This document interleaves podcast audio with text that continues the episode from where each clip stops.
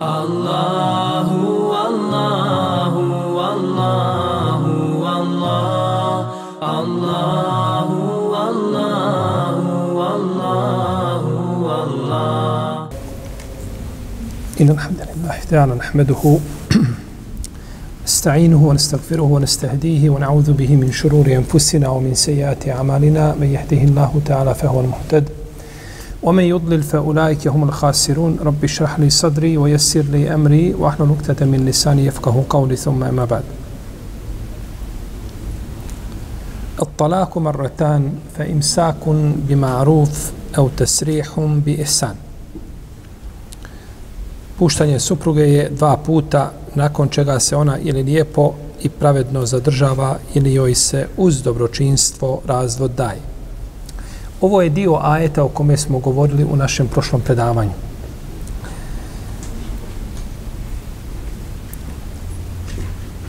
Potom uzvišeni Allah zaođer kaže وَلَا يَحِلُ لَكُمْ أَنْ تَأْخُذُوا مِمَا أَتَيْتُمُهُنَّ شَيْءٍ إِلَّا يَخَافَ أَلَّا يُقِيمَ حُدُودَ اللَّهِ فَإِنْ خِفْتُمْ أَلَّا يُقِيمَ حُدُودَ اللَّهِ فَلَا جُنَاحَ عَلَيْهِمَا فِيمَا افْتَدَتْ بِهِ تِلْكَ حُدُودُ اللَّهِ فَلَا تَعْتَدُوهَا وَمَنْ يَتَعَدَّ حُدُودَ اللَّهِ فَأُولَئِكَ هُمُ الظَّالِمُونَ A vama nije dopušteno uzimati bilo šta od onoga što, im, što ste im darovali, osim ako se njih dvoje plaše da neće Allahove propise izvršavati. A ako se bojite da njih dvoje Allahove propise neće izvršavati, onda im nije grijeh da se ona otkupi. To su Allahove granice, pa ih ne prekoračujte. A oni koji Allahove granice prekoračuju, to su pravi nepravednici, to su pravi zulumčari. ولا يحل لكم أن تأخذوا مما آتيتموهن شيئا إلا أن يخاف أن يقيم حدود الله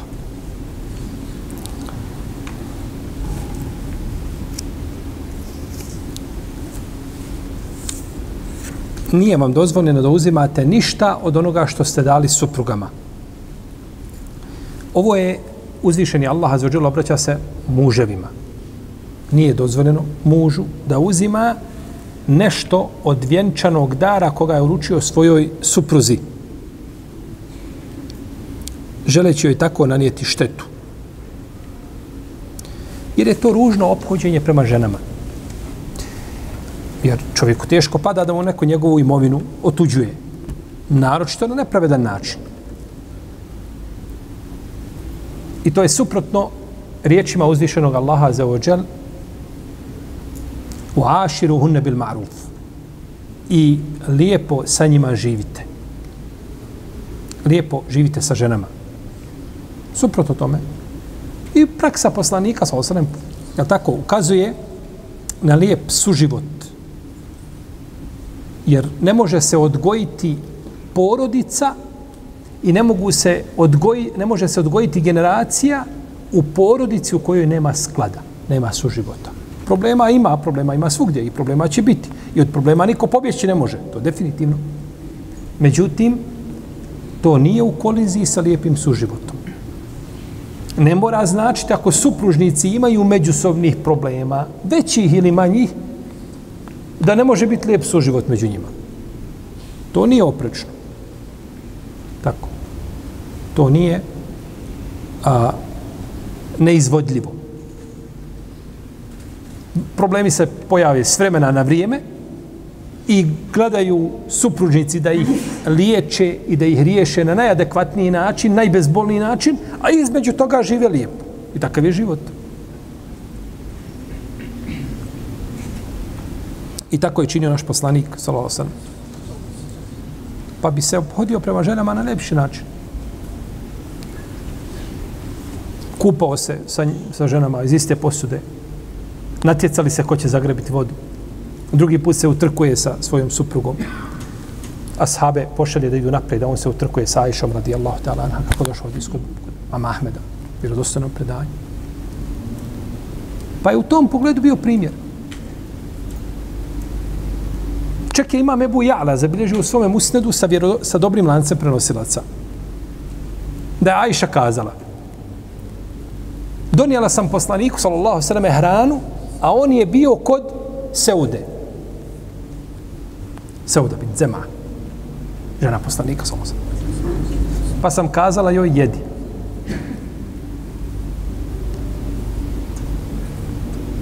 Hariz se zvala hrana ili tako nekako. Pravi se od mesa koje se iskuha, pa se nakon toga, doda, dodaje brašno u to. Vrsta hrane koja je bila poznata u njihovo vrijeme. Pa kaže, jedi. Kaže, neću.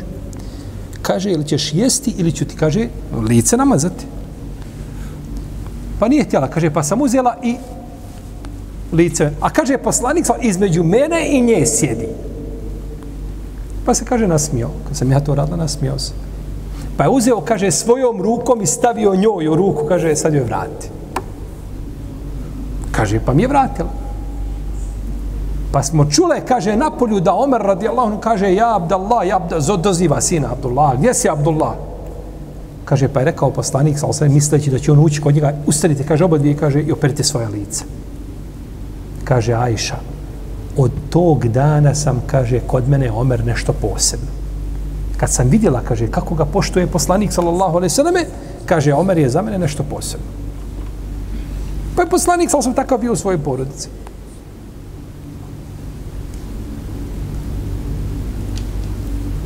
I primjer, jel tako, njegovog obhođenja su, jel, brojni, lijepi ti primjeri, za razliku od ljudi koji dolaze nakon toga, kada bi mu se desilo slično tome, Allah zna što bi se u porodice dešavalo. Tako. Bilo bi požara, bilo bi tekbiranja. Mahadis da treba, kad vidite požar, da treba tekbirati. Ibn Sunni je zabilježio u svome dijelu Amelu Lijome u Lejle. Kad vidite požar, kaže i da rejtumul hariq fe kebiru fa inne et tekbire jutfi'u kaže tekbir gasi požar ali hadis batil.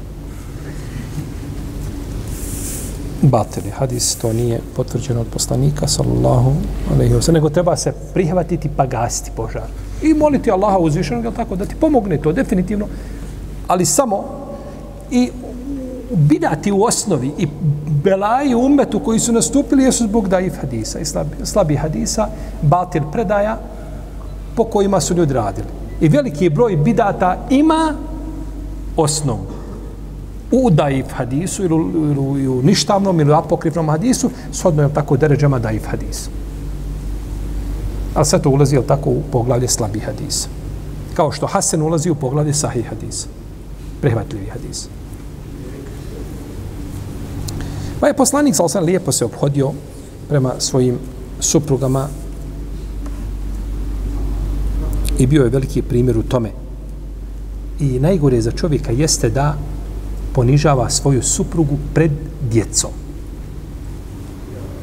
Majka treba da je u očima djece velika, da je poštovana, da je cijenjena, da je majčina riječ, njen ugled, da je I dođe onda babo i ponižava majku pred djecom i smijava je. Da ne kažemo da udara i šta se mi dešava. Kako će to dijete poštovati svoju majku? Kako da je poštuje? Ako ima nešto, to se rješava na samom. U aširu hunne bil maruf i sa njima lijepo živite. Nemojte uzimati od njihovog šta? mehra, od vjenčanog dara, ništa što ste im dali.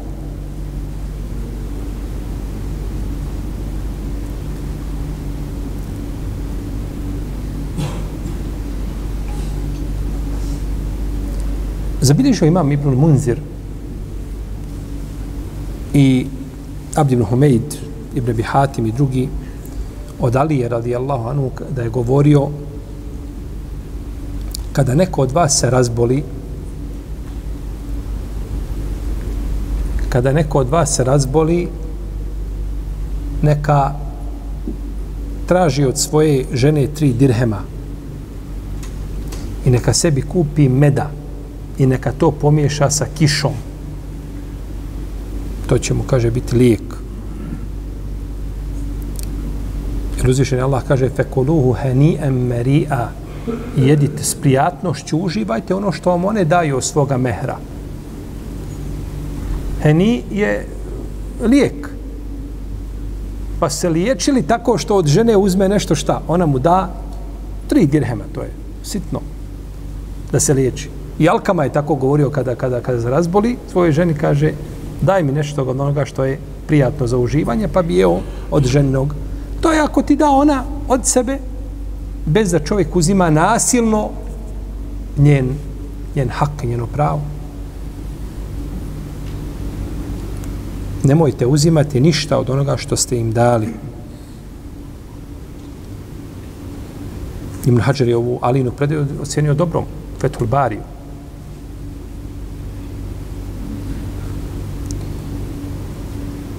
Pa lijep odnos prema ženi je ključ uspjeha jedne porodice. Iz toga, ako želiš da imaš ženu, da ti je rob, rob, robu, pravom smislu riječ rob, samo se lijepo prema njoj obhodi. Lijepim obhođenjem porobit ćeš njeno srce. A ružnim obhođenjem nećeš ništa postići. Jer žena može od muža sve trpiti, ali ne može trpiti od njega ružan ahlak. Trpit će siromaštvo, trpit će bolest, trp, neimaština, iskušenja kroz koje prolaze. Mijenjat će mu ona odjeću, ne može pomjeriti, ti nije problem. Kupat će ga, ništa nije sporno. Hranit će ga svojom rukom, ništa nije sporno. Sve to može trpiti, a ružan ahlak ne može. To se ne može trpiti. Jer ružan ahlak to nema niko moguć, nema niko snage da to izdrži. To se trpi jedno vrijeme i i problemi u porodicama, kada ovako se ljudi žale, imaju problema, kada se to malo pročačka ispita, vidi se kako i šta, to se na kraju vrati na ružan ahlak, a često to bude, nažalost, muž, suprug, često. Ne mora biti uvijek i nije to nikako pravilo, međutim, često se vraća na muža. A mi smo prošli put govorili, šta smo kazali, kako je Ibn Abbas protiv Sirio, ajetu kome kaže, ole ređali alejhin na darađu. Šta kaže Ibn Abbas? Imaš deređu, pa si dužan zbog te deređe da se ljepše, da se ljepše ophodiš i da tebi se ne može progledati ono što se njoj može progledati, jer ti imaš deređu, ona je nema.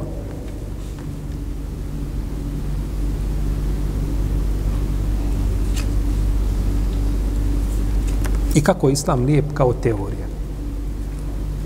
Tako, teoretski pričati, spomenuti, nikakav nije problem. Ali to praktično primijeniti, e to biva napor mnogima.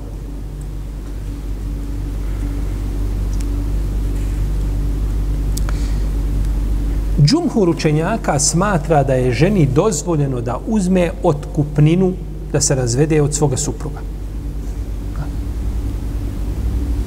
Ne mogu živjeti više.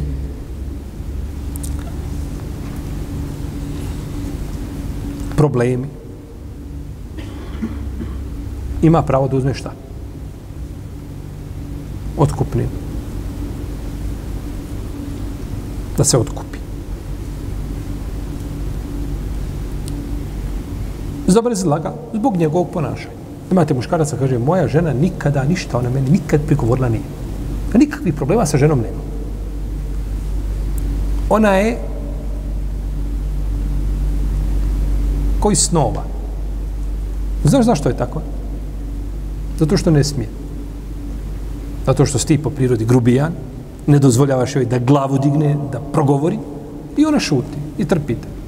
U protivnom žene poslanika, sa osaname, nisu tako postupale. I žene Selefa. I pojavilo se pod kraj Dunjaluka žena koja ne nego ne smije. Zna ako progovori da u naredi mjesec dana da nema mira.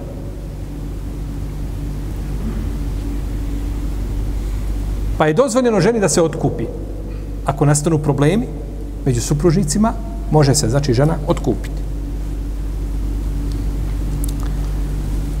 Jer postaje život nemoguć. I to ako dolazi, ako dolaze problemi s njene strane. Ako je ona izazvala probleme, pa ne može dalje se nastaviti bračna veza, njoj dozvoljeno se otkupi. Da li je dozvoljeno mužu koji se ružno ophodi prema ženi da traži od nje da se otkupi da uzme njeni metak? Apsolutna većina učenjaka kažu da nije. Ima mišljenje da jeste. Kaže, on je griješan što je tako postupio sve, ali ono što je dobio je uzeo, nećemo tražiti da to vrati ženi. Islamski učenjaci su prigovorili o mišljenju. Kaže, to mišljenje nije jako. To je suprotno i Kur'anu i sunnetu. I nemoguće da uzvišeni Allah nešto zabrani i onda mi nakon toga dozvolimo, kažemo, ne mora vratiti ono što je uzeo. Jer čovjek nema pravo da uzima šta? Od nje, ora te hudu, mima atejtumuhu nešeja. Nemojte ništa uzimati od ono što ste im dali. Jer čovjek ne bi mogao naći veći prestup od toga da traži i da ohalali i da dozvoli ono što uzvišeni Allah zabranio. A to je stvorila Azeođel zabranio. Pa nema čovjek, znači, pravo da uzima i meta kako je problem s njegove strane. Nego on je ta dužan da je razvede, da je pusti a ne da pravi joj probleme i ne da će i nevolje, ne bili se ona šta? Otkupila. Pa tako pokupio njeni metak.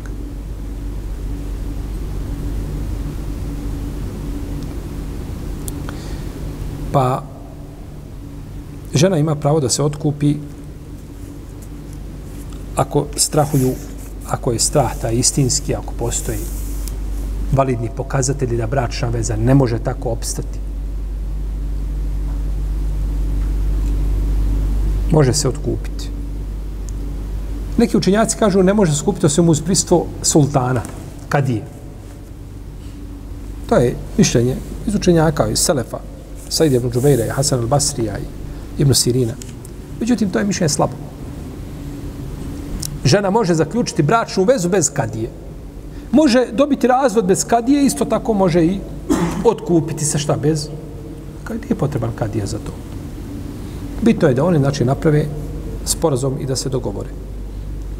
Kaže Imam Tahavi, došao je dostojno i predaje od Omara i Osmana ibn Omara da su dozvolili a sporazumni razvod da je hula, je tako da bude bez prisustva kadi sultana. I kaže to je stav većine učenjaka. Osim ako se boje da neće izvršavati Allahove propise. Boji se supruga da neće moći izvršavati svoje propise prema mužu, svoje obaveze prema mužu. Da će se olahko ponijeti prema njima. Neozbiljno. Neće mu dati njegovo pravo i zbog toga biva šta? Biva griješno. Pa je bolje da se otkupi i da okonča tu bračnu vezu, nego da ostane u braku, da se griješi i da zbog toga zasluži Allahu srđbu. Ima pravo, znači, se otkupi od supruga. Fela džunaha alejhima fi ftedet bih. Onda nema smetnje u onome čime se ona otkupi od njega.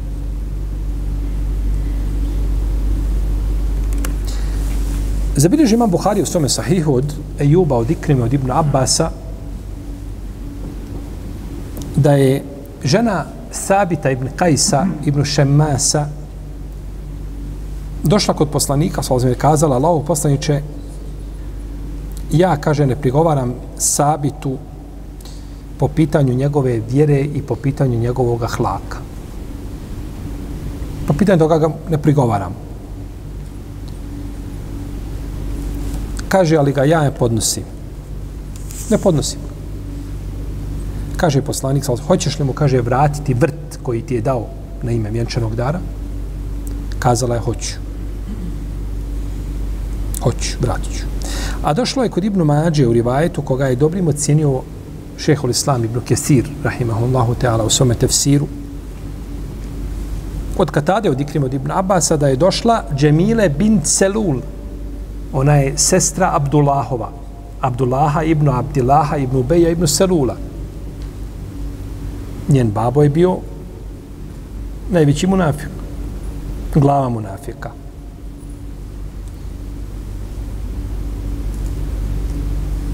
Došla je kod poslanika sallallahu alejhi ve selleme i kazala Allahu poslanice kaže ja ne pregovaram sabitu po pitanju njegove vjere i po pitanju njegovog hlaka. Ali kaže ja prezirem kufur u islamu. Prezirem da ne budem da ne upadnem u kufur. Misli se kufur poricanja dobročinstva prema mužu i neizvršavanja obaveza, ne misli se kufur, je tako, izlaska iz vjere. Kaže ja, a, je kfurne lašir, sjećate se u hadisu, žene, najveći, najveći broj žena će biti u džahennemu, zato, zašto kaže je kfurne lašir? Ne izvršavaju svoje obaveze prema nezahvalne svojim muževima, zbog nezahvalnosti. Pa kaže, ja se bojim da ne upadnem u tu nezahvalnost. To je kufor.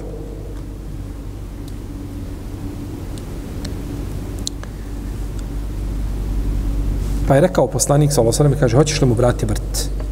Hoću, kaže Allah poslaniče. pa je naredio da uzme taj vrt, ali da ne traži ništa više od toga. Ovaj dodatak, da ne traži ništa više od toga, je problematičan sa hadijskog aspekta.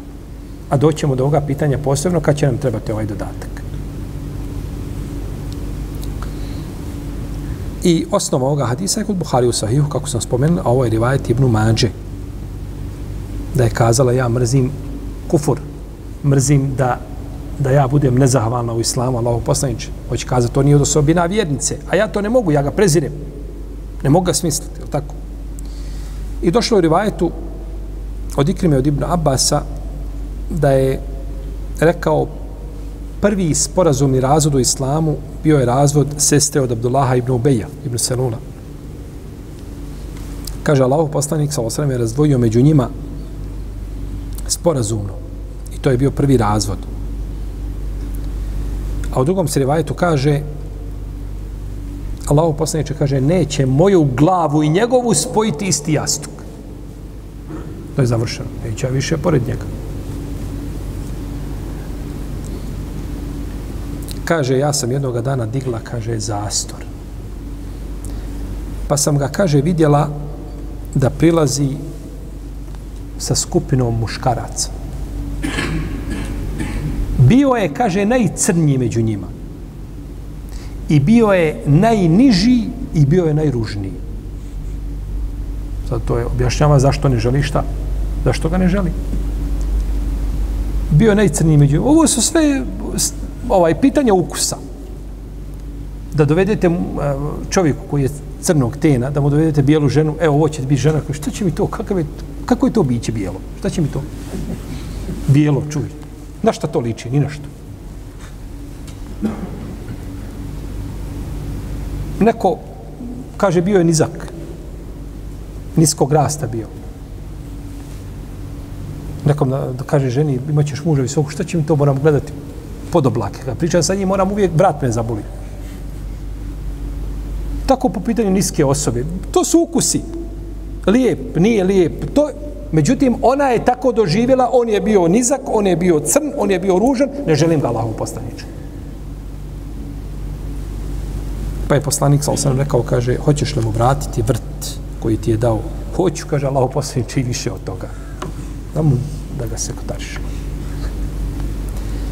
I ovaj rivajt je u ovom obliku, zabilježi imam tabarani, pa je poslanik sa razvojio među njima. Imam, e, oprostite, zabilježi imam taberi u svome tefsiru, Abu Džafara Taberi, rahimahullahu ta'ala, zabilježi ovaj rivajet, nije zabilježeno poznatim hadijskim zbirkama e, u ovom, jeli, u ovom obliku, ovako, s ovim pojašnjenjem. Ima čak rivajet kod imama Ibn Mađe, kome kaže Allahu poslaniče, da nije straha od Allaha, kaže, pljunula bi mu lice. Znači, ne može ga ni sa sodom bikarbonom. Ne može ga smisliti. Nikako kaže pljunula, ali ni vaj daif, ovaj kod imama Ibn Mađe, ova, ova predaja što je došla, ona nije, ona nije ispravna.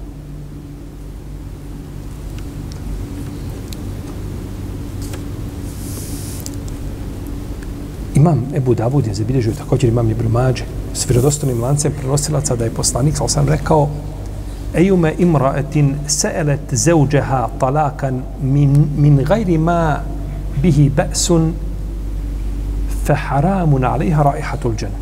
Kaže, koja god žena zatraži od svoga muža razvod braka, bez razloga, zabranjen joj je, nije rekao džennet, nego kaže miris dženneta. Eto tako ona, samo njoj nešto, eto da ja vidim kako to baš izgleda kad, kad sam ja raspuštenica. I hoće ona razvod bez ikakvog razloga, iako je to teško pojmiti. Teško je pojmiti da žena koja ima i ole razuma, da je sve u redu potaman u braku, ona želi razvod braka. Uvijek tu ima nešto, jel? Nekakav razlog postoji. Takvo je zabranjen džennet. I došla u hadisu, koga bilježi vam tirmizi, imam Ahmed. Mnogi su mu hadijski stručnjaci pregovorili, šeh Albani ga je u drugom tomu svoji salsahi silsila prihvatio, pojačao ga je. Da je poslanik sal rekao, kaže, innel muhteliat unel munafiqat. Žene koje traže sporazumni razvod braka, to su prave licemerke. Ovaj hadis prvo, on je problematičan sa strane hadijske nauke. Teško da može proći. A i ako prođe, on se odnosi na žene koje traže sporazumni razvod bez razloga. Jer nemoguće je da bude ovo, da se odnosi, da bude sahih i da se odnosi na žene koje traže šta sa razlogom, jer to je onda kontradiktorno, tako se jasnim ajetom i sa onome, sa mišljenjem na čemu je apsolutna većina islamskih učenjaka i sa hadisom, e, je li tako, Džemile bint a, Ubej, koga smo spomenuli, je li prethodno, i koji je kod Buharije u Sahihu.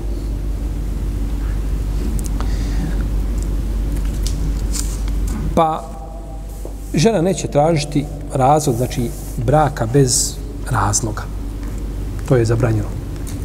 To je grije, teški, veliki grije. Dok je zabranjen miriš dženeta, to nije više mali grije haram, samo puki haram, nego to dolazi do stepena, znači, kebire, veliki, znači, do stepena velikog grijeha.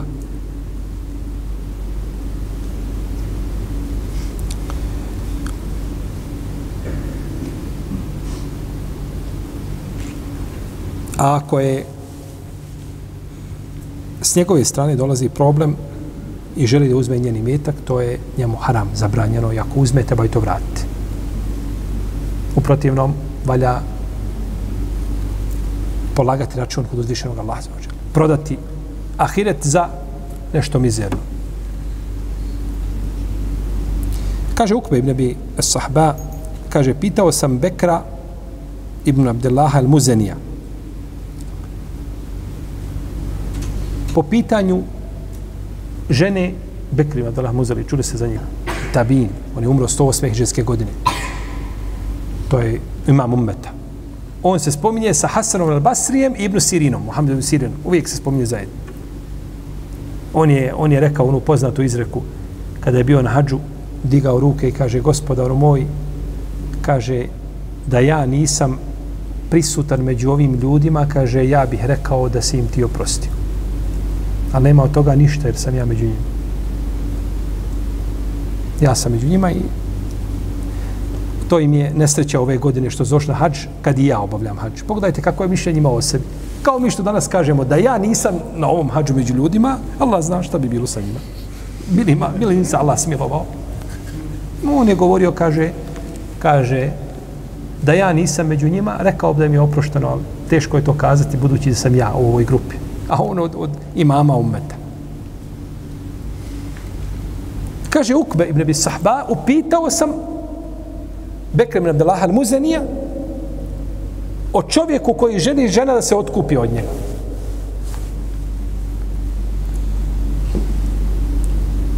Pa je rekao, kaže, haram mu je da uzme. Ne smije uzeti. Kaže, što? Zar nije uzvišen? Allah rekao, fela džunaha alejhima fima ftedet bih. Nema smetje onome čime, čime će se otkupiti od njega. Kaže, taj ajte je dokinut. Čime je, kaže, dokinut? Dokinut je, kaže, riječima uzvišenog ajeta, uzvišenog Allaha za ođel, o in aradtum ustibdale stibdale zauđim mekane zauđin, wa atejtum ihdahunne qintaren fela te'hudu minhu še'a, a te'hudunehu buhtanen wa ismem mubina. A ako kaže želite da zamijenite jednu ženu s drugom, nemojte, kaže, ništa uzimate od onoga što ste im dali,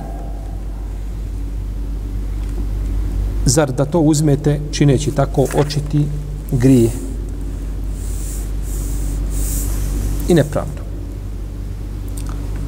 Pa je smatrao Bekr ibn Abdullah al-Muzani, rahimahullahu ta'ala, ovaj velikan, da je ajet ovaj dokinut i da nema čega sporazumnog rada. Međutim, ovo mišljenje je slabo. Ovo mišljenje je iznimno.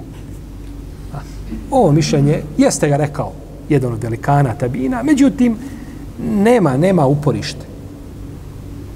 Nije to ono što je poznato, znači, i po pitanju hadisa, i po pitanju ajeta, nije dokinuto, jer prvi ajet govori o ženi koja ima e, ovaj ne može s mužem nastaviti život, pa traži od, da se otkupi. A drugi ajet govori vezan je za koga? Za muškarce, ako želite da promijenite žene. Do sa, on hoće da, da jednu razvede, ali neće da je pustite tek tako, nego želi da pokupi sve što ima pa se prvi tiče žena, drugi se tiče čega? Nije, nisu kontradiktorni ajeti i ne spojivi da se kaže da jedan dokinu. Ti imaju jedan veze s drugim u tom kontekstu. Ne radi se o dokidanju. Pa je pitanje sporazumnog razvoda aktuelno i žena, braćo, ima pravo da se razvede od svoga muža ako ne želi, ako ne može živjeti sa njim, bojeći se e, da, da će mu biti nezahvalna, neće mu ispunjavati svoje potrebe ma njemu i ne može on kažeti, e ne, kazati, e ne, živit ćeš sa mnom na silu, moraš. Ne mora. To moraš, to je sunnet Ebu Džehla. Ne mora živjeti. I ne možeš je prisil da živi. Ne mogu ga i ne podnosim ga. Šta kaže ovdje Allah poslaniče? Ne, ne zamirim njegovoj vjeri i ne zamirim njegovom ahlaku. Pa šta hoće živa bila? Ne podnosim ga. Kaže, razvedi. Ko je to uradio? Ne živjet ćeš sa mnom i nikad se razvešti nećeš i džehennem ćeš proživjeti sa mnom je tako vjera. Vjera ima propise. I zato uzvišen Allah kaže Ja, ejuhad ladine amenu, udhulu fi silmi kafe. A govorili smo o tom ajetu. Jesmo. O vjernici, uđite u vjeru u potpunosti. Uđi, nemoj uzeti dio vjere, a dio ostaviti.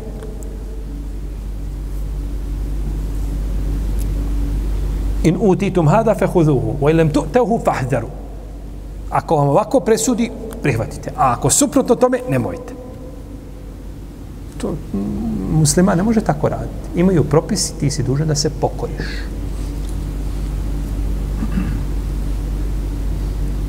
Naravno, uvijek treba da je zadnja opcija razvod braka. Uvijek treba ga izbjegavati i uvijek je bolje popraviti postojeće nego graditi nešto iznova, čovjek ne zna šta će napraviti. To definitivno. Međutim, ponekad dođeš u situaciju da je jedini izlaz i jedino rješenje da se supružnici rastane. I živi on svoj život, živi ona svoj život i sretni ne mogu biti sretni. Ali imaju pravila, imaju principi, imaju propisi koji se musliman mora držati. I zato je, braćo, Allah vam dao svako dobro najveća i najteža obaveza poslanika Muhammeda sallallahu alaihi sallam jeste bila ovo o čemu govorimo. Da praktično primijeni islam i da ostane taj uzor neprikosnoveni i da u njegovom praktikovanju islama nema propusta i mahana. To je bio najteži ovaj uzvišeni Allah kaže festaqim kema umirt omen tabe ma'ak. Istraj onako kako ti je naređeno. E, to je bio najteži ajet za poslanika sa osaname u Kur'anu kako kaže Ibn Abbas. Ustraj. E, malo ovako, malo, dođe Ramazan pa si malo bolji, posle Ramazana, do, do narednog Ramazana daš se voduška, jel tako? Pa opet malo, prođe deset dana Zulhidžeta, pa dođe Arefat, postićeš, nije problem. I onako, s vremena u nekakvim sezonama malo čovjek se malo se probudi i opet se uspava. Kad dođe ovaj da trebaš ovaj da se radi o velikom imetku, da se radi o velikoj zaradi i tako dalje, al treba jedan propust ovaj učiniti. Pa subhanallah, nisam melek, šta fali da ga učinim? Jel tako? Sa i drugi čine, i bo ima efendi, ja Bogam čine veće propuste. Ima i daje ako i čine propuste. Imaju propisi. I ako se budemo držali propisa, uspjet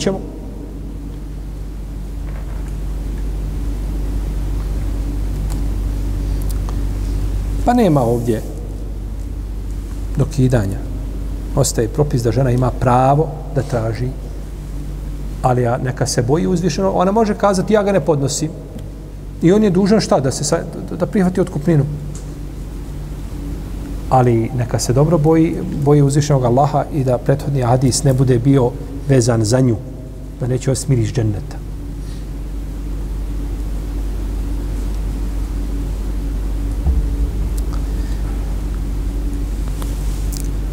Neki učenjaci koriste ovaj ajet kao dokaz da ne može doći do sporazumnog razvoda osim ako postoji među supružnicima a veliko razilaženje i, pr, i, i problem da se nekome nanese šteta. A, samo u tom slučaju. I dokazuju to hadisom Ajše radijallahu ta'ala koga bilježi imame Budavud s vjerodostanim lancem prenosilaca. Da je došla kod poslanika sallallahu alaihi wa alihi wa sallame Habiba bint Sehl. Prethodno spomenuli da je bila ona ko? Ova došla i kaže da je bila je za eh, uh, Sabitom ibn Kajsom udata. Došla je kod poslanika sa osam. Habiba bin Sehl, Džebila bint Ubej, ibn Selul. Spomnju se dvije žene u jednom slučaju. Jesu li dvije različite priče? Ili neko od ravija pogriješio u imenu? Imam Ibn Abdelbar u svome dijelu El Istiab fi marifeti El Ashab kaže da postoji mogućnost da su ovo dvije priče. I to je odabro Ibnu Hađara Skalani. To su dvije žene bile koje su otkupile od istog šta? Muža. Zašto postoji mu, zašto nije, zašto nije to jedna priča, a neko od ravija pogriješio po pitanju imena? Zato što u samim pričama postoji razlika. E ovdje kod Ebu Davuda kaže došla je ova uh, Habiba i požalila sa poslaniku da je, da je ovaj sabit udarao i da je ozlijedio. Pa kaže hoću da se razvedem o Allahov poslanič. Hoću da se razvedem. Pa je poslanik, sa osaname, došla posle sabaha u džamiju. Pred svima pita, kaže, tako je bilo Allah poslaniče. Hak, njeno pravo, pravo žene je da nazove i da pita za propis. A ti ako si toliko ljubomoran, pa ne želiš da ona zove, e onda ti moraš pitati za nju i preneti njoj propis kako treba. Uprotivno, ona ima pravo da pita o svome haku i svome pravu.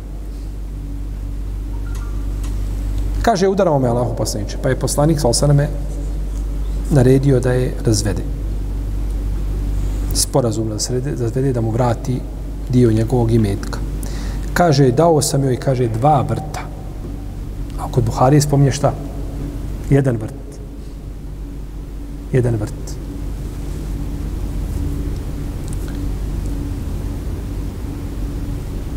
Međutim, većina učenjaka ne uslovljava da mora biti opasnost od nekakve štete po supružnike u takvom braku. Kaže, ima pravo da se razvede. Zašto? Šta im je dokaz? Ko će im kazati? Hm? Malo da mogu zaključiti iz ovoga što smo pričali svega.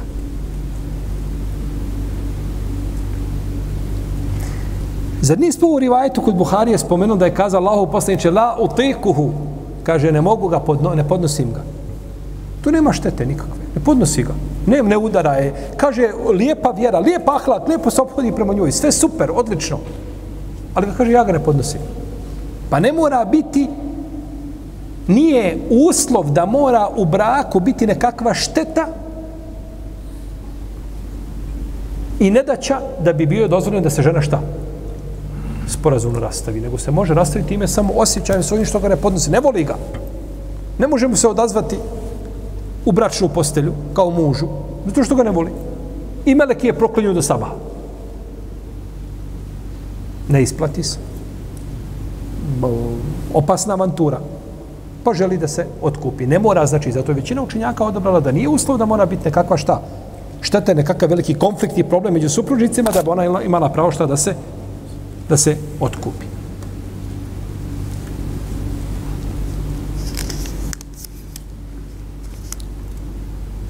A ovo što je spomenuto u ajetu, spomenuto je znači zato što se to uglavnom dešava među supružnicima. Uglavnom je šteta nekakva. Uglavnom je problem koji, znači konflikt koji čini nemogućim život ili jako teškim u protivnom i da nije to opet ima pravo znači da se da se otkupi. Fela džunaha alejhima fi meftedet bih. Nema smetnje onim čime se otkupi. Ovaj ajet, spolješnost ovoga ajeta, islamski učenjaci koriste kao dokaz oni učenjaci koji kažu da muž može uzeti a, od svoje supruge sve kako se dogovore od imetka. Pa i više od mehra koga joj uručio. On njoj dao hiljadu maraka mehra. Dobro što nema ovdje ovi naši braći Arapa, on crklo smija. Kakav je to mehr od hiljadu maraka. On je njoj dao hiljadu maraka mehra. I hoće da se ona otkupi. Dobro, u redu kaže lijepo. Dvije hiljade hoće. Imali pravo? Shodno spoljašnjem značenju ajeta ima. Nema smetnje za ono čime se ona otkupi od njega. Nije, nije ovaj definisano, nije, nije ograničeno. Nije ograničeno, znači ta otkupina kolika je. I to je stav velikog broja učinjaka. Čak većina učinjaka kažu da nije ograničeno. On dao hiljadu, može se otkupiti za pet hiljada. On dao pet hiljada, može se otkupiti za hiljadu. Za hiljadu i po. Dogovore se. Po dogovoru. Jer ajet nije šta? Ajet nije ograničio. Imamo hadis hoće Allah poslaniče daću mu i više. Ću vrati vrt. Hoću i više Allah poslaniče. Hadis ko bi deži? Šta smo kazali? Molim? Pa smo popravili Taberanija. Taberi. Ebu Džafra Taberi. imam Fesir. On je umno 110. 210. iđeske godine. Oproste, 310. iđeske godine. Velikan. Šehol Islam. Kaže, hoću dodati. Ali ovo dodat ću mu, ovaj rivajet, nije došao u poznatim hadijskim zbirkama pa je s te strane znači problematičan. Jer po, e, kako bi onda njime dokazivali? Ona je kazala dodaću mu, daću mu više od toga, a Allahov poslanik je samo šta, šta prešutao. Nije kazao, a živo bilo, dakle ti to, ne možeš dati više.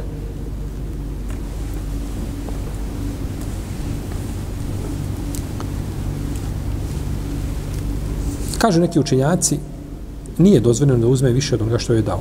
Tako kažu ta usija, ta Euzaj, kaže Euzaija, kadije su, kaže, u naše vrijeme zabranjivale da muž uzima, uzimao žene na ime sporazumnog razvoda više od onoga što je dao ženi. Koliko si dao, toliko možeš tražiti. Ili niže od toga. Čak neki učenjaci kažu da mora tražiti niže. Znate zašto? Kažu da ne ostane intimni odnos bez mehra. Jer žena zaslužuje mehr zbog čega? Zbog intimnog odnosa. I onda kada on razvede se i uzme sve, ima intimni odnos, bio je, a nema čega. Nema mehr. Pa kažu, treba uzeti niže od toga. Došlo je u hadisu da je jednom se kaže da ću mu više, pa je rekao poslanik sa osaneme, više mu ne možeš dati. Tako je zabilježio imam Ebu Davud u svojim Mursel hadisima, imam Darekutni u svome sunenu. I ovaj hadis ima različite puteve koji bi mogli jedne druge pojačiti. Da. Pa bi čovjeku u svakom slučaju bilo preče da ne uzima više od onoga što je dao. To nalaže ovaj njegova muškost da ne uzima više od onoga što je dao.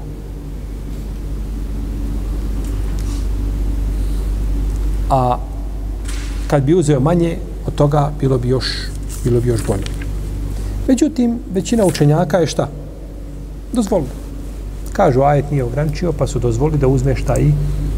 Ali ono što nije dozvoljeno definitivno da uradi jeste da je, da je ovaj ona hoće, želi da se otkupi. Vidi on da ona ne želi da živi sa njim. Ej, kaže lijepo, znam da imaš bab penzionera. Još ima njemačku penziju. Imaš i tetko Americi. Imaš, a imaš i ti nekakvih E, kaže, dao je on njoj jedva 300 maraka, isplatio u 15 rata, mehra, i kaže, želim, koliko kaže, ja hoću 30.000 eura. Možda cijela njegova uzlazna loza nema toliko para. I on sad hoće 30.000 eura da je, jel tako, da je ucijeni ili da nasilu živi sa njim prisilno ili da uzme na kakav imeta koji ne zuži. To, ne, to, to ne doliči vjerniku.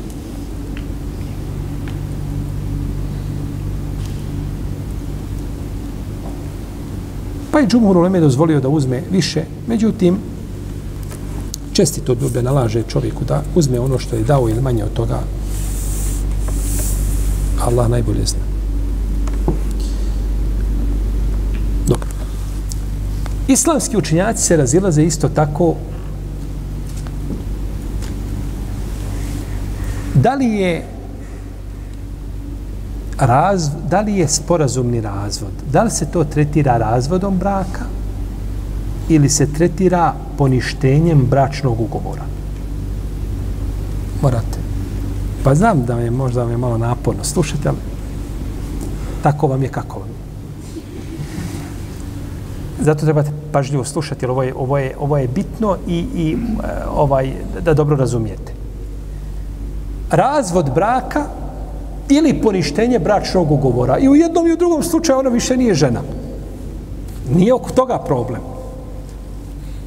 Problem se vraća na jedan drugi moment. Poni, razvod braka ima svoje posljedice. Poništenje bračnog ugovora imaju svoje posljedice. I tu se razlikuje, znači, da li se kod većine učenjaka, kod Malika, Seurija, Euzaije, Ebu Hanife, Šafije i Ahmeda po jednom mišljenju, razvod braka, ovaj sporazumni razvod je razvod. Znači, sporazumni razvod braka je kao i drugi razvod. Samo na drugi način izveden, ali se tretira čime? Razvodom i broji se u jedan od razvoda. S druge strane, imamo skupinu učenjaka Ibn Abbas, Ata, Ikrimu, Ishaka, Ahmeda, kažu sporazumni razvod se tretira poništenjem bračnog ugovora. I to dokazuju rivajetom Ibn Abbasa u kome Ibrahim ibn Sad ibn Okasu upitao Ibn Abbasa o čovjeku koji je razveo ženu dva puta. Dva puta je razveo, vratio je posle drugog razvoda. Ima koliko još pravo? Pa još jedan put razvede i više je gotovo završeno ali se ona sporazumno od njega otkupi. E, ovo pitanje dolazi do izražaja u ovoj situaciji, najviše. Dva razvoda joj dao i treći je bio sporazumni. Taj treći sporazumni, ako kažemo da je razvod, kako kaže većina učenjaka, više nema pravo da je vrati u bračnu vezu, osim da se ona uda za drugog čovjeka, pa je ovaj razvede, pa protekne idet, pa ponovo, je u redu? A ako kažemo da je sporazumni razvod poništenje bračnog ugovora, tada on ima pravo da je ponovo ženi. U redu? Ste razumeli gdje je? Tu nastaje, tu je, znači, ta, to razilaženje dolazi do izražaja u toj situaciji. Pa Ibn Abbas kaže, može, kaže brat, zašto? Uzvišeni Allah za u Kur'anu kaže et talaku marratan. Razvod je koliko? Dva puta. Potom spominje ovo fela džunaha alejhima fima ftedet bih Nema smetnje da se ona otkupi.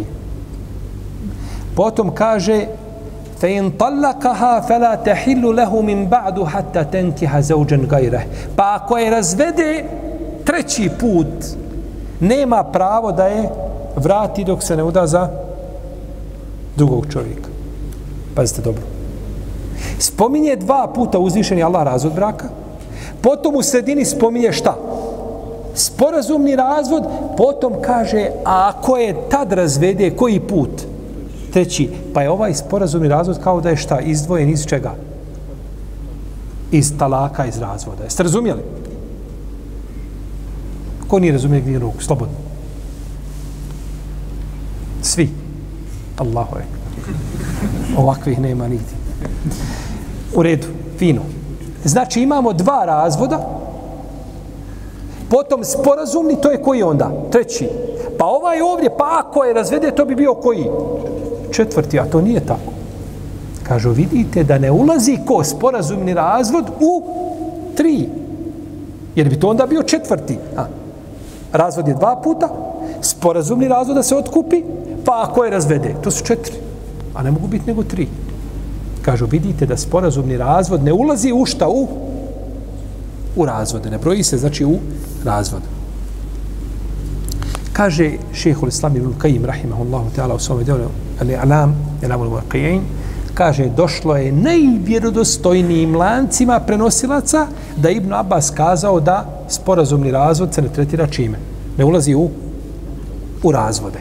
Sporazumni razvod je poništenje bračnog ugovora, a nije šta?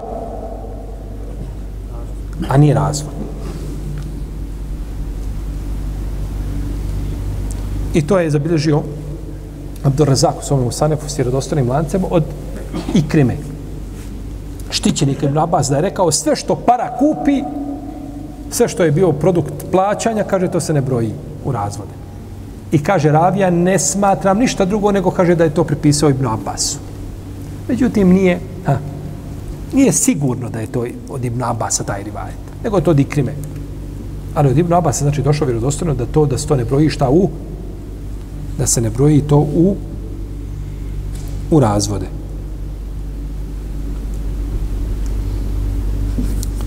Kaže, Ibn Kajim došlo je najvjerozostojnijim lancima prenosilaca Ibn Abbasa da je da je hula sporazumni razvod, kaže da je to poništenje bračnog ugovora, a nije razvod.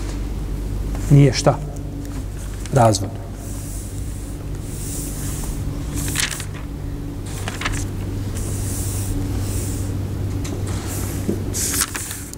Dobro, od dokaza dalje da, da, da je sporazumni razvod, da je to poništenje bračnog ugovora, a da nije razvod, on se naziva, mi kažemo sporazumni razvod, kada ga prevedemo na naš jezik. Ovaj, ali je a, to poništenje bračnog ugovora, od dokaza jeste da je poslanik, Zalsaneme, da je došla žena Sabita ibn Kajsa, znači ova o kojoj govorimo, s odno imenima i razlika je u imenima, da je došla kod poslanika, Zalsaneme, kad se je sporazumno razvela, pa joj naredio da joj priček bude jedan hajz. Da joj priček bude šta jedan hajz. Žena biva koliko? Ul mutallakatu je tarabbasna bi anfusihine thalathete kuru. Mm, raspuštenice čekaju sobom tri kar'a. Znači tri hajza, kako smo spominjali ranije. Je tako? A ova što je razvedena sporazumno koliko? Jedan hajz što samo po sebi ukazuje da ona nije raspuštenica. Da je to posebna vrsta prekidanja čega? Bračne veze i bračnog ugovora. I to je jedan od dokaza. Imam e, Tirmizi kaže ovaj hadis Hasanun Garib. I došla je Rubeje bint Muawiz kod poslanika sa osaleme a, i tražila se otkupi. Pa je poslanik sam naredio da joj, da joj bude iddet jedan hajz.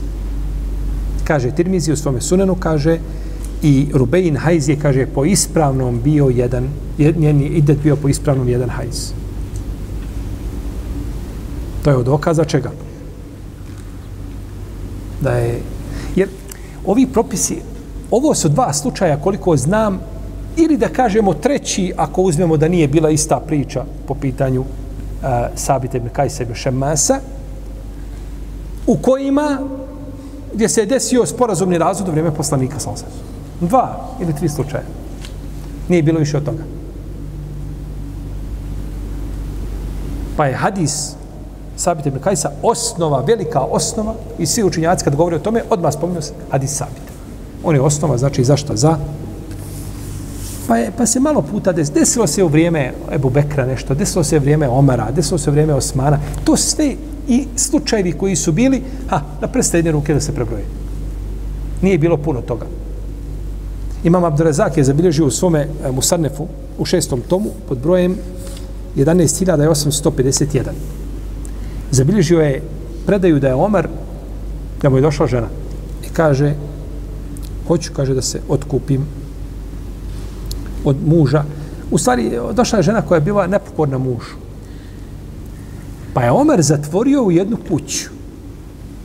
Zatvor.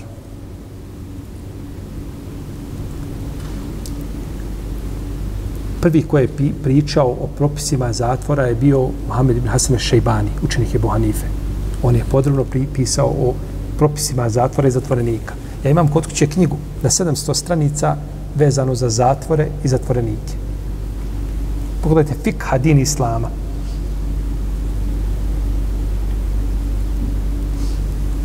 Došao je Omer, došao je kod Omera i bila nepokorna mužu. Pa je Omer zatvorio jednu kuću koja je bila puna smrada. Tri dana. Kad je izišla, kaže Omer, a, šta misliš? Kako je?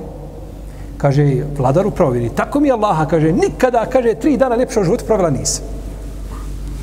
Kad je to Omer čuo, kaže, razvedi je odmah ona ako je njoj u smradu bilo lijep, ljepše i najljepši život joj je bio takav, što kako onda je bilo kod tebe? Džehennem. Kaže, razvedi je, kaže. Pa je naredio Omar da radi Allahu te alam, to je Omar.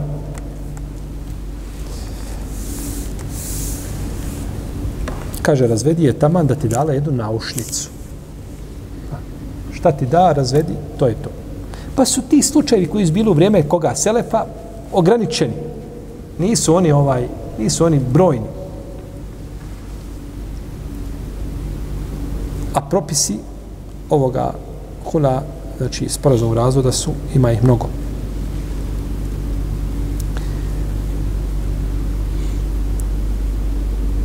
Dobro, da li sad ona čeka tri hajza ili jedan hajz, šta čeka?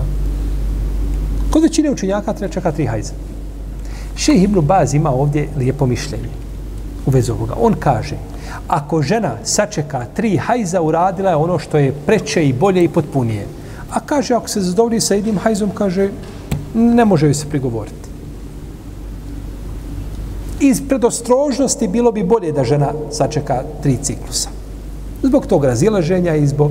Međutim, ako bi se zadovoljila ovim hadisom, znači, koji je spomenut od poslanika, sa osaname, to bi bilo inša Allah dovoljno. To bi bilo dovoljno. Pa kada bi čovjek razveo svoju ženu, nije samo to. Razvede ženu čovjek ovaj svoju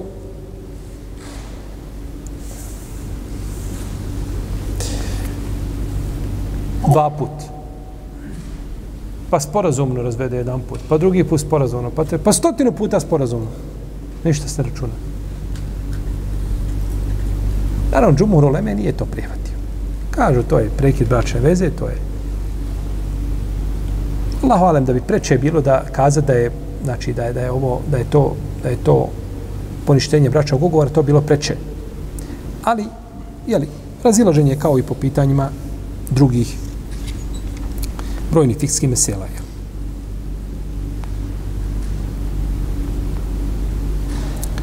Neki učinjaci nisu prihvatili ove hadise koji govore o to da je poslanik sa naredio da to bude jedan hajz. Međutim, ima hadijskih stručnjaka mnogo koji su to prihvatili.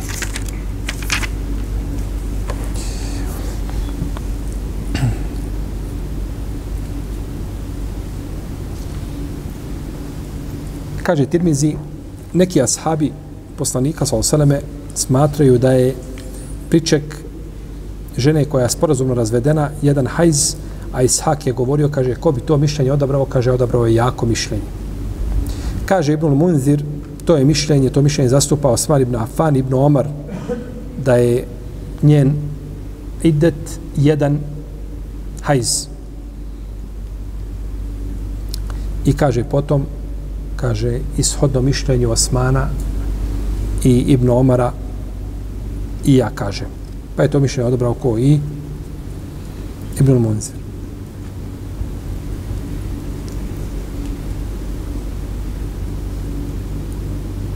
Dobro.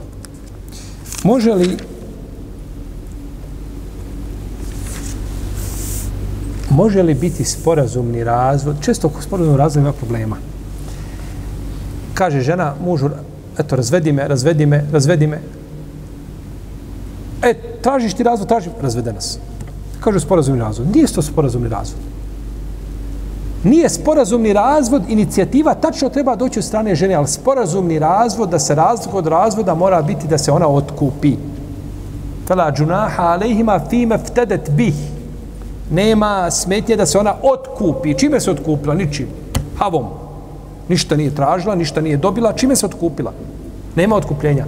Pa se sporazumni razvod razlikuje od, od, od onoga klasičnog standardnog razvoda čime? Otkupom. Ima otkup. I zato da se dogovore oni da on ju sporazumno razvoje bez otkupa, to nije sporazumni razvod. Mora biti nešto pa bilo šta da mu plati. To je sporazumni razvod. Dobro.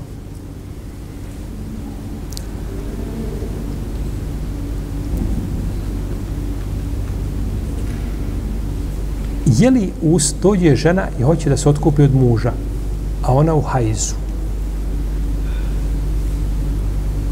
Ili je došla da se otkupi, a ona u ciklus, ona u čistom periodu u kome je imao intimni odnos sa njom. Šta smo kazali sad ta, ta, za ta dva perioda? Da je to koja vrsta razvoda braka? Novotarska. To je novotarska vrsta razvoda čega? Braka.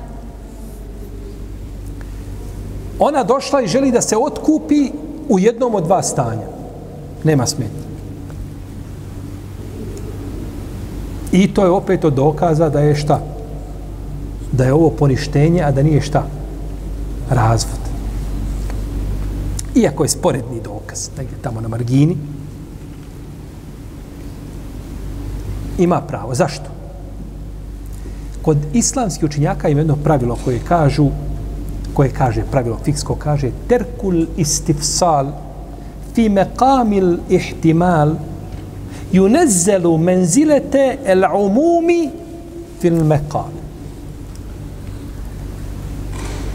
Naravno, ja ovo vama neću prevesti. To što ne znam. To se treba polomiti čovjek da to prevede. Ali ću objasniti. Ostavljanje a, traženja dodatnih pojašnjenja ili ne traženje dodatnih pojašnjenja u vremenu kada postoji mogućnost da ona trebaju da se kažu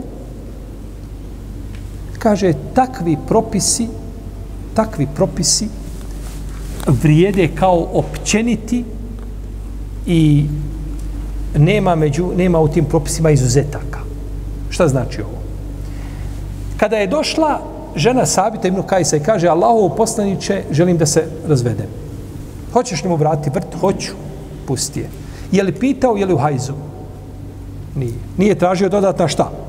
Objašnjenja. Je li postojala mogućnost da ona bude u hajzu? Jeste. Znači, dok nije poslanik tražio šta objašnjenje, ni, je li, mogao, je li postojala mogućnost da je bila u čistom periodu, a on imao sa njom intimni odnos? Jeste i ta mogućnost. A poslanik nije opet šta tražio? dodatna pojašnjenja je to ispitivao. Znači da to, da to ima svoju općenitost i da ne treba da to, da to nije uvjet i da oko toga jer ne bi poslanik sa svem to uradio, osim da šta? Da, da provjeri, odnosno da postupi onako kako je, kako je dozvoljeno. Pa budući da je poslanik sa naredio njoj da, da, da se razvede, nije znači uslov da žena mora biti kao žena koja je znači puštena, je tako, u kada je primio islam Gajlan, Sekafi, on je imao deset žena.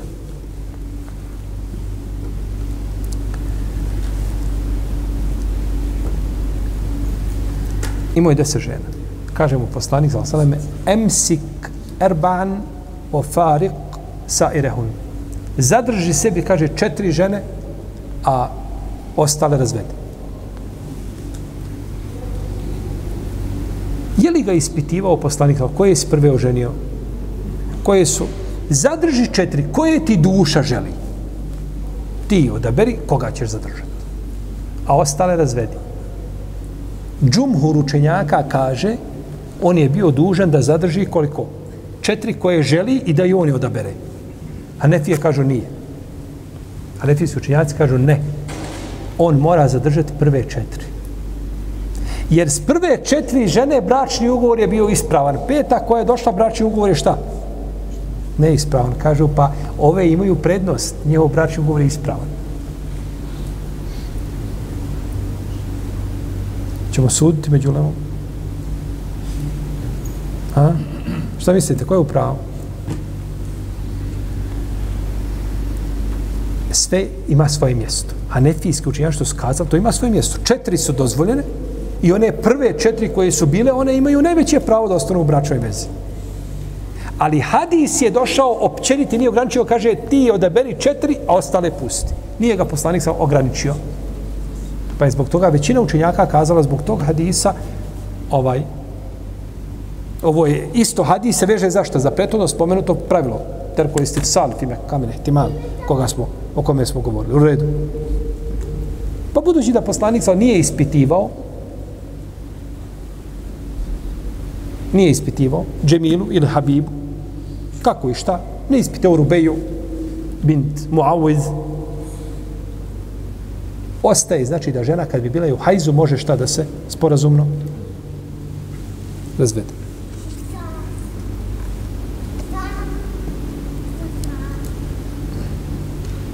Ako žena nema da plati, oni se, ona se može otkupiti, ali to ostane dug. Ona nema, potrošila je svoj mehr, ništa nema, on traži hiljadu maraka, kaže, vratit ću ti ja to u deset rata, dogovore se oni, nije problem. Ali ima šta? Ima, znači, otkup. Dobro.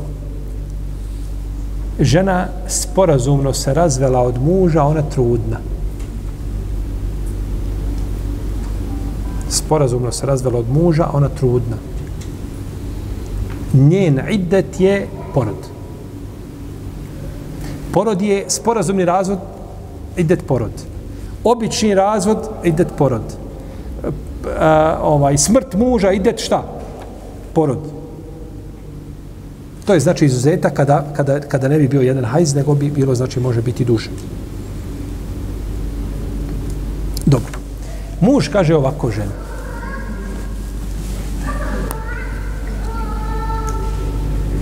Otkupi se i platit ćeš mi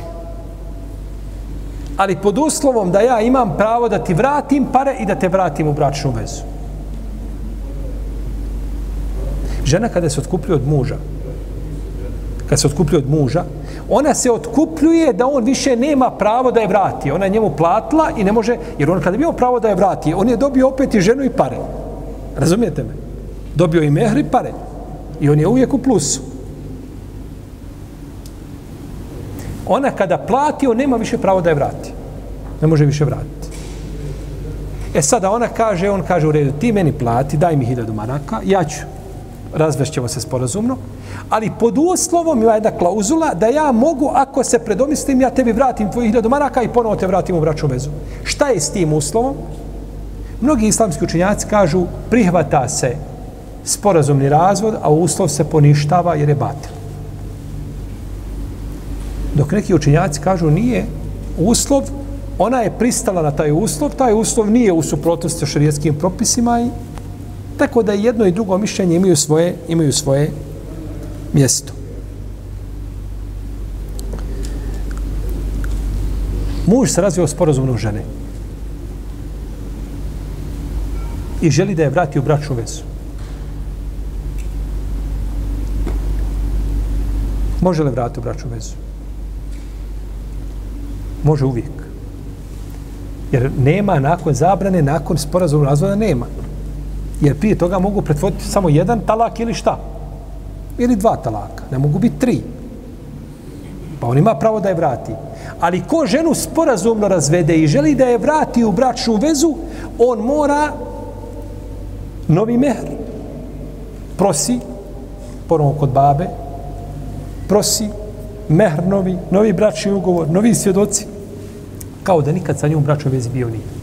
Nema to, hajmo mi, pa eto, bilo je gotovo. Jer hula, taj, taj sporazum i razvod, on je neopozivi razvod.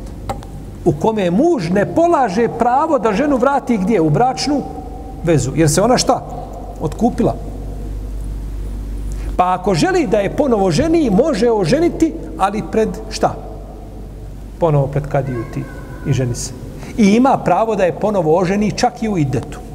Osam dana prošlo od porazumnog razvoda, on a, poruku na Whatsapp. Eto, bilo je što je bilo, dala oprosti. Znam da sam pogriješio halali. I vjerujte, kada čujete šta žene halale muževima, znači, ako je ono tačno što se spominje, to izlazi van okvira razuma. Koliko žena može biti emotivna i halali mužu nešto što možda o njoj ne bi halalio ni, ni četvrtinu toga, nikada. I kaže, ja bi tebe vratio. Ima pravo da je vjenča, a ona šta u? U idetu. Drugi nema pravo. Drugi nema pravo da je vjenča šta u? dok je u idetu. Ona mora idet pa ispoštovati onda nakon toga suda. Ja tri mjeseča ciklusa, jedan s ono razilaženju kako smo spominjali. Ali on ima pravo da je vjenčao u idetu bez razilaženja među levom. Je u redu?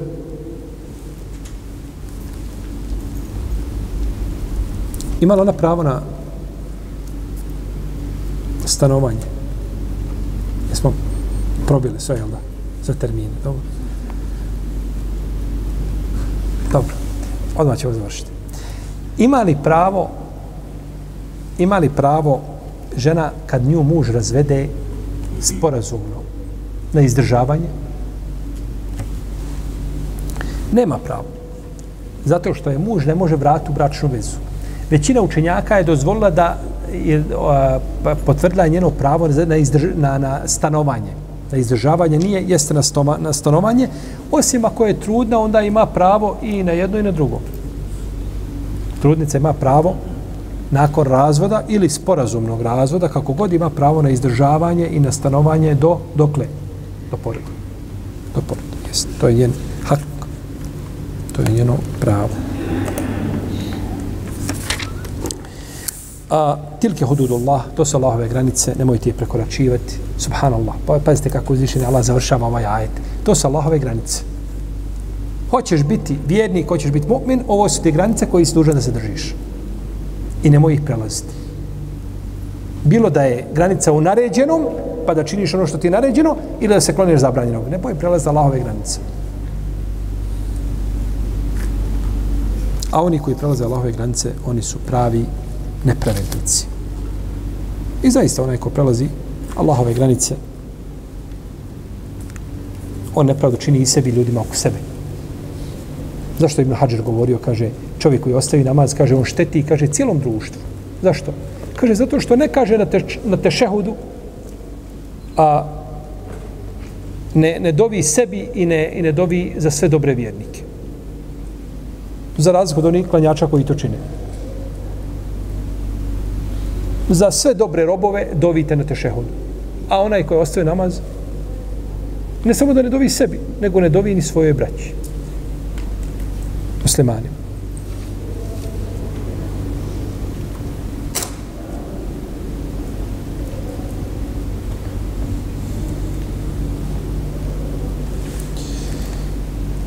Dobro, mi smo ovim završili mjesto 29. ajet Wallahu ta'ala nama salli na amena Muhammed wa ala alihi wa sahbihi ajma'in. Allahu